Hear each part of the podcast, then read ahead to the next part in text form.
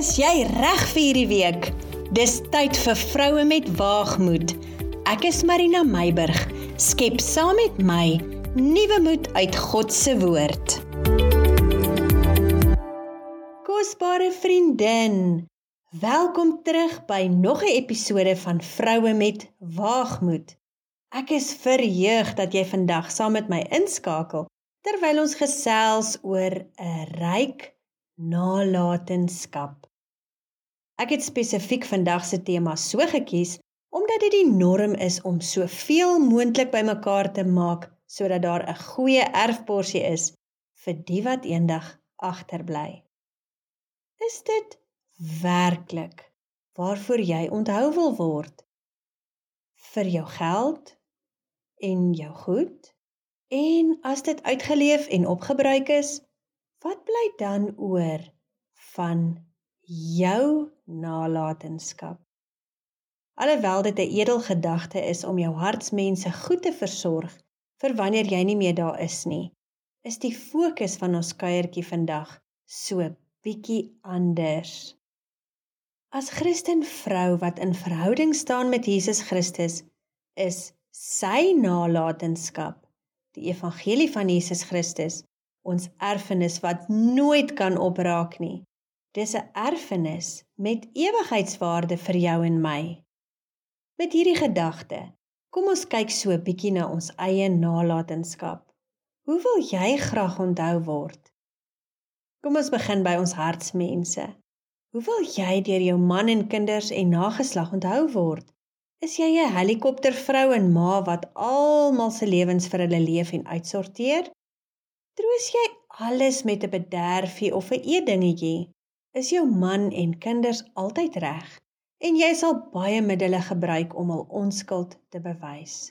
Selfs al weet jy in jou agterkop hulle is nie altyd reg nie. Vriendin, leef jy as 'n Christenvrou, 'n voorbeeld vir jou kinders. Al maak jy foute, probeer jy om 'n Christen leefstyl te volg en in verhouding met Jesus Christus te leef weet jou hartsmense dat jy vir hulle bid en getuig jy teenoor hulle van God se goedheid en krag en wys jy dit uit wanneer hy 'n pad gemaak het waar menslik nie 'n pad was nie dinge uitgesorteer het guns bewys het voorsien het 'n saak verander het. Leef jy jou geestelike erfenis op aarde? Laat jy 'n nalatenskap van hoe om God heelhartig te dien in jou hartsmense se lewens na. Jou werk is nie net verantwoordelikhede, sperdatums en om take af te handel nie. Dit is ook 'n geleentheid om eer aan God te bring. Wat is jou nalatenskap in jou werk? Enige mens is vervangbaar en daar is beslis mense wat beter vaardighede as jy het wat jou pos gemaklik kan vul. So, hoe goed en hard jy werk is nie 'n blywende nalatenskap nie, maar om te streef na uitnemendheid, integriteit en 'n dienende hart as ook die gesindheid van Christus uit te leef, te bly by jou beginsels en vriendelik te wees, vol van kompassie en opreg te bly. Dit is die dinge wat 'n blywende indruk en gevolglik 'n ryk nalatenskap agterlaat. So ook in jou sosiale lewe en by die kerk of anderlike plekke waar jy betrokke is, oral waar jy deel is, saamwerk, saamdien en ook saam kuier, het jy die geleentheid om die lig van Christus te reflekteer sonder om openlik aanstoot te gee. Moenie kompromieer op jou geloofs-oortuiging nie, maar moet ook nie in konflik daaroor betrokke raak nie. Moet ook nie jou oortuiging op ander afdwing of mense die heeltyd voorsê nie. Bly nederig. Sê jou sê wanneer dit nodig is, maar stap jou pad soos wat jy in jou hart daarvan oortuig is volgens God se woord.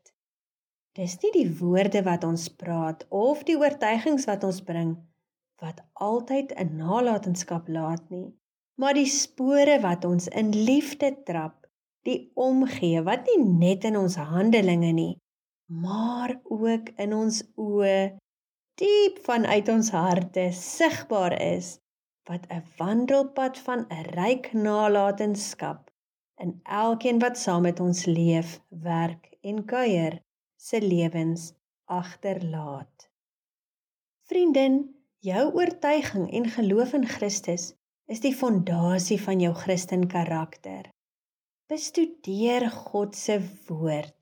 Bep pyn sy beloftes en leef 'n vol lewe gevul met God se gees. Wees bly, wees vrolik. Fokus op God se genade en voorsiening terwyl jy saam met hom wandel en elke dag van jou lewe vir elke een om jou 'n stukkie van jou hoop en waarde in Christus gee.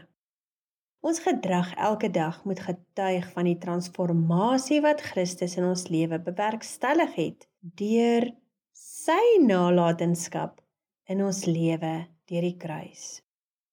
So, vriendin, kom ons maak nie vir ons skatte bymekaar op die aarde waar mot en roes verniel en waar diewe inbreek en steel nie, maar kom ons maak vir ons skatte bymekaar in die hemel waar geen mot of roes verniel nie en waar diewe nie inbreek en steel nie want waar ons skat is daar sal ons hart ook wees leer Jesus ons in Matteus 6 vers 19 tot 21 en dan volgens Efesiërs 4 vers 32 wees vriendelik en vol ontferming teenoor mekaar vergeef mekaar soos God ook in Christus vir jou en ook vir my vergewe het.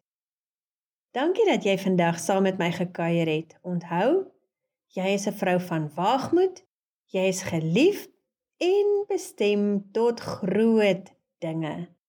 Laat die lig van Christus helder skyn op die wandelpad van jou ryk nalatenskap deur hom. Ons kuier volgende week lekker verder om God se woord.